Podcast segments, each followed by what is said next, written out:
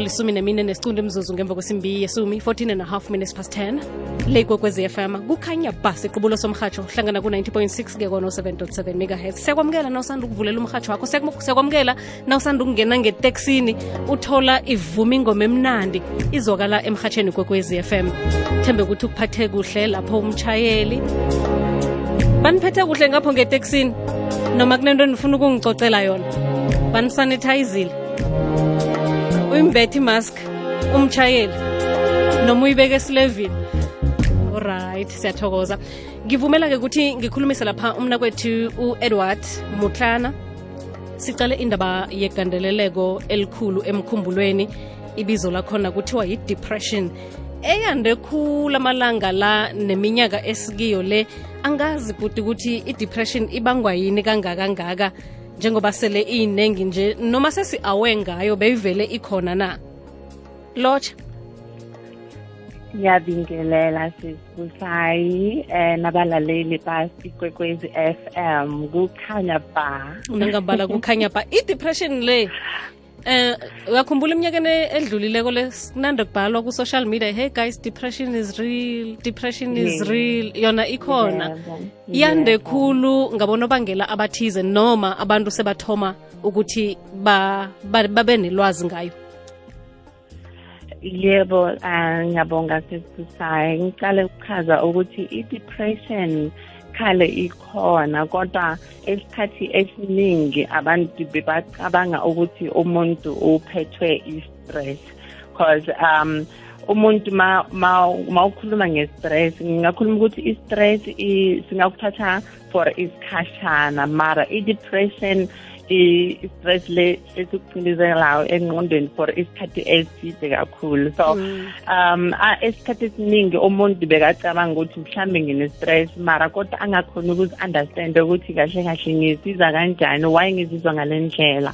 So ngingachaza ukuthi um for i-depression uh, i- i- igayi-two it can be chemical and it can be situational. La uthola ukuthi umuntu phakathi kwakhe like ngale ndlela akhona or everything eyenzekile ngaphakathi i-influence ama-hormones wakhe. Uthola ukuthi manje i-affectile kakhulu i-mood yakhe ukuthi akasakhoni ukuyi-control.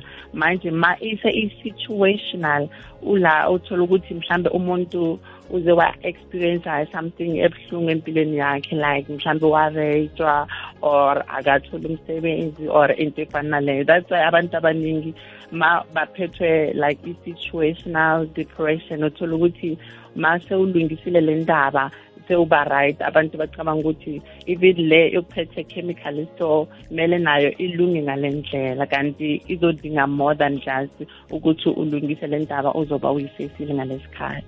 Asiyihlathulule njengoba nakuvele uthi abantu bacabanga ukuthi mhlambe une-stress. I-stress ne-depression zifanaphi zihluka kuphi? Yini i-depression? Okay. Okay. Eh mangingachaza ukuthi yini i-depression?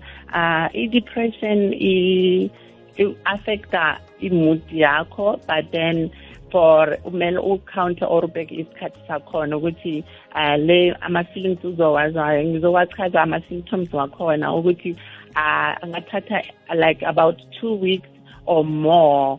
Mara ma uthola ukuthi umuntu makanayo i-stress uyakhona ukuthi afunction ayenze whatever afuna ukuyenza and then ma abhekana nale simo kula akhumbula ukuthi oh konje nginale nkinga eso mara. Ma if everything ziyahamba kahle uthola everything le ama-symptoms akabonakali.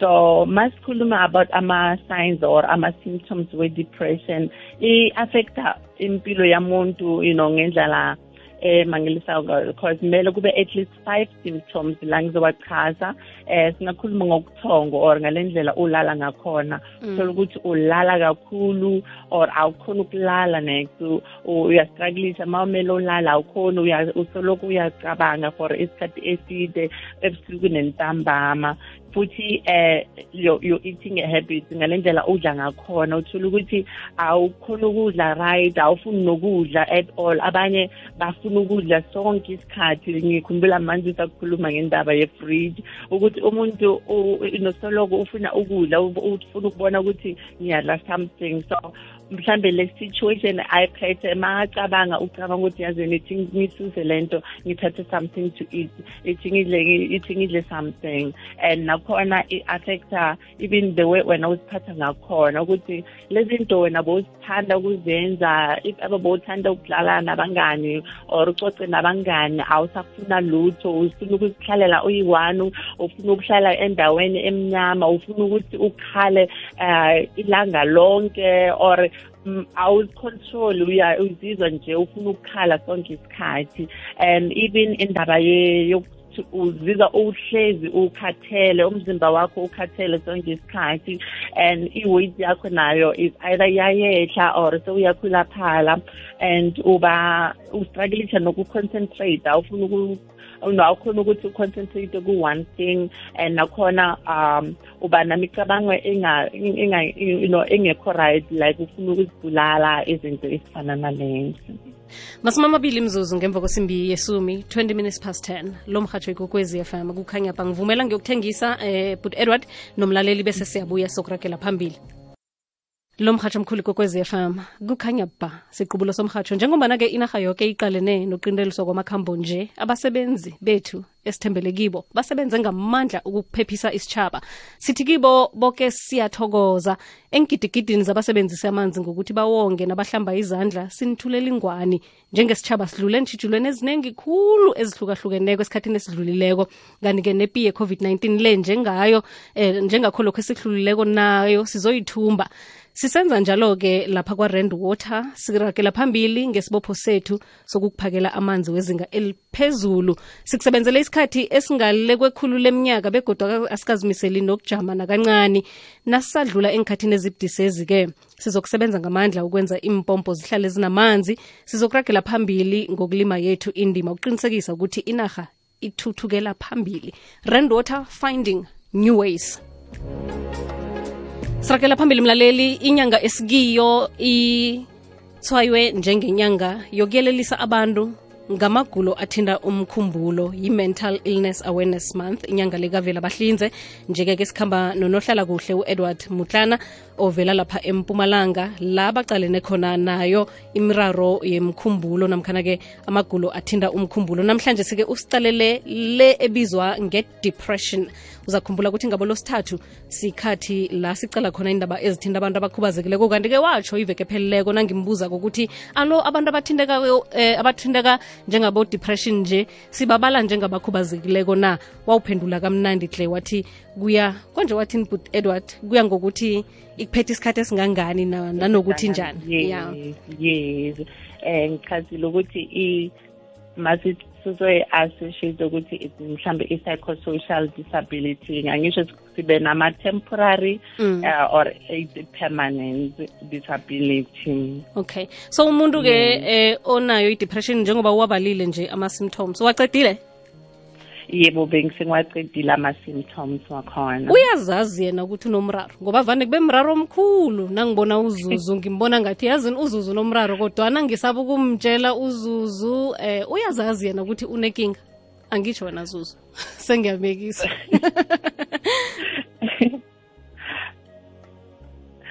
Umuntu uyazazi ukuthi unekinga na?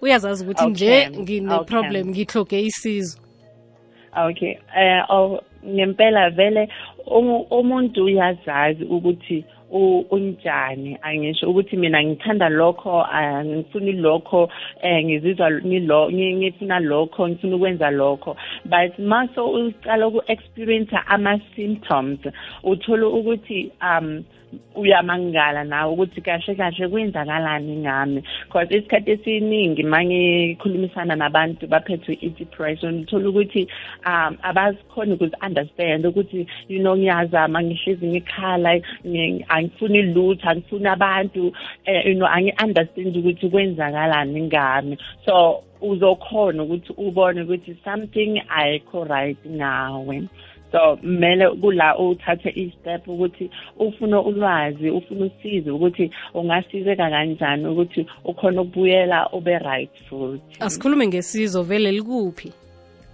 Okay um I ngishile last week ukuthi ngeke sithi because wena ukhombisa ama-signs we-depression bese ithatha ukuthi vele una i-depression.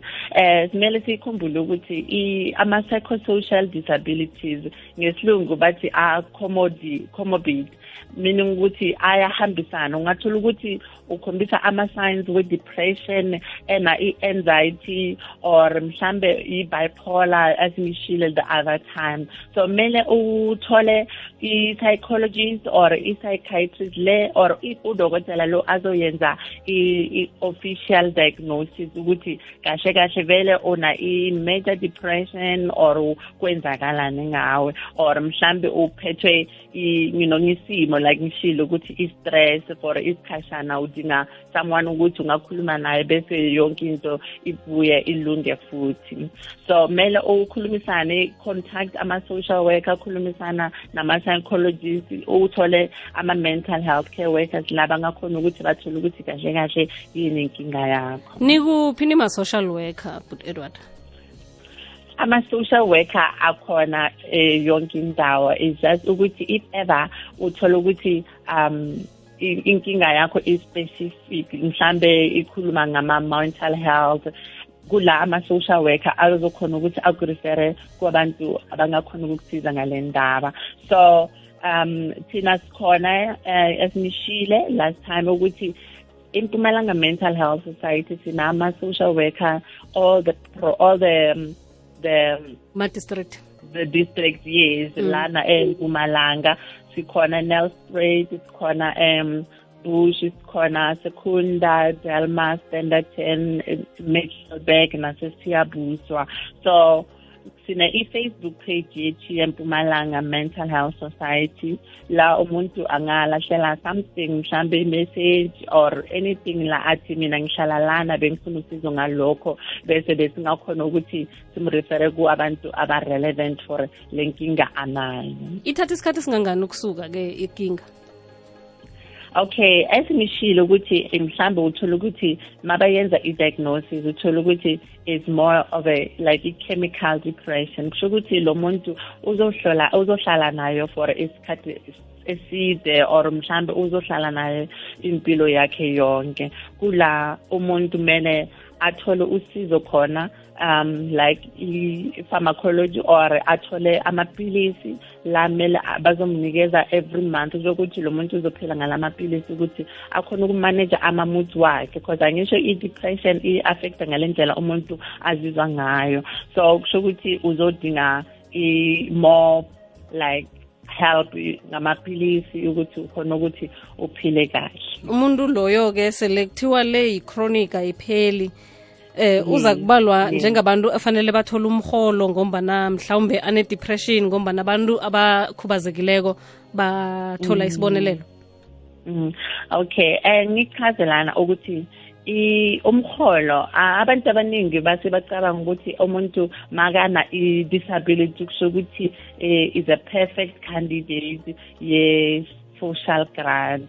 Kanti mawuthola ukuthi esasa abana ukuthi le i-depression yakho i-affecta impilo yakho ngale ndlela enjani. Ukuthi awukhona ukuzenza izinto khona ukuzenza or ikwe-affecte ngendlela enjani le ukuthi kumele uthole i-grant. So umuntu angaba ne-psychosocial disability kodwa athole usizo athole i-counseling athole you know i-support ekhaya akhona ukuzenzela ezinye izinto but angakhona ukuthi aqualify for i-grant.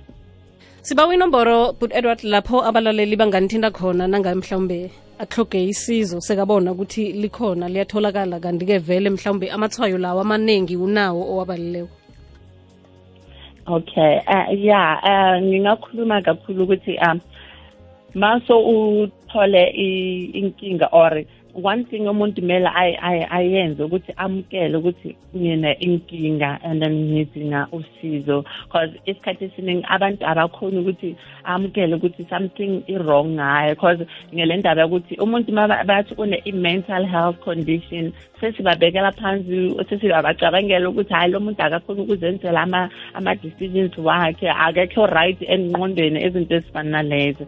So if umuntu if abasiyacala ukuthi si-accept kahle ukuthi kuna ama-psychosocial disabilities and then siphila nabantu banama-psychosocial disabilities kula umuntu azokhona ukuthi wonke lo sizo esimnika lona. Ukhona ukuthi alisebenzise afundise nabanye abantu. Because if ever umuntu yokutshela uthi eh mina ngisafara from i-depression uzomangala ukuthi how many people nabo ba in the same situation? Mara cause sithulile ngale ndaba asikhoni ukuthi sithole usizwe you know sihlezi lobuhlungu sikuphethe empilweni zethu. Asikhoni ukuthi sikhulume ngaphandle about lama-feelings esiwazwayo okay inomboro? Mhm.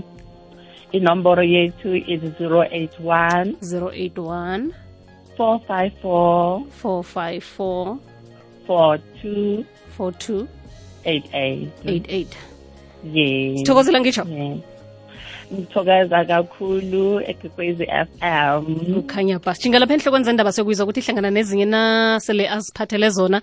Usesilindi ngesimbi yesumi nanye singalindela ziphi ezikhamba phambili. Kukhanya ba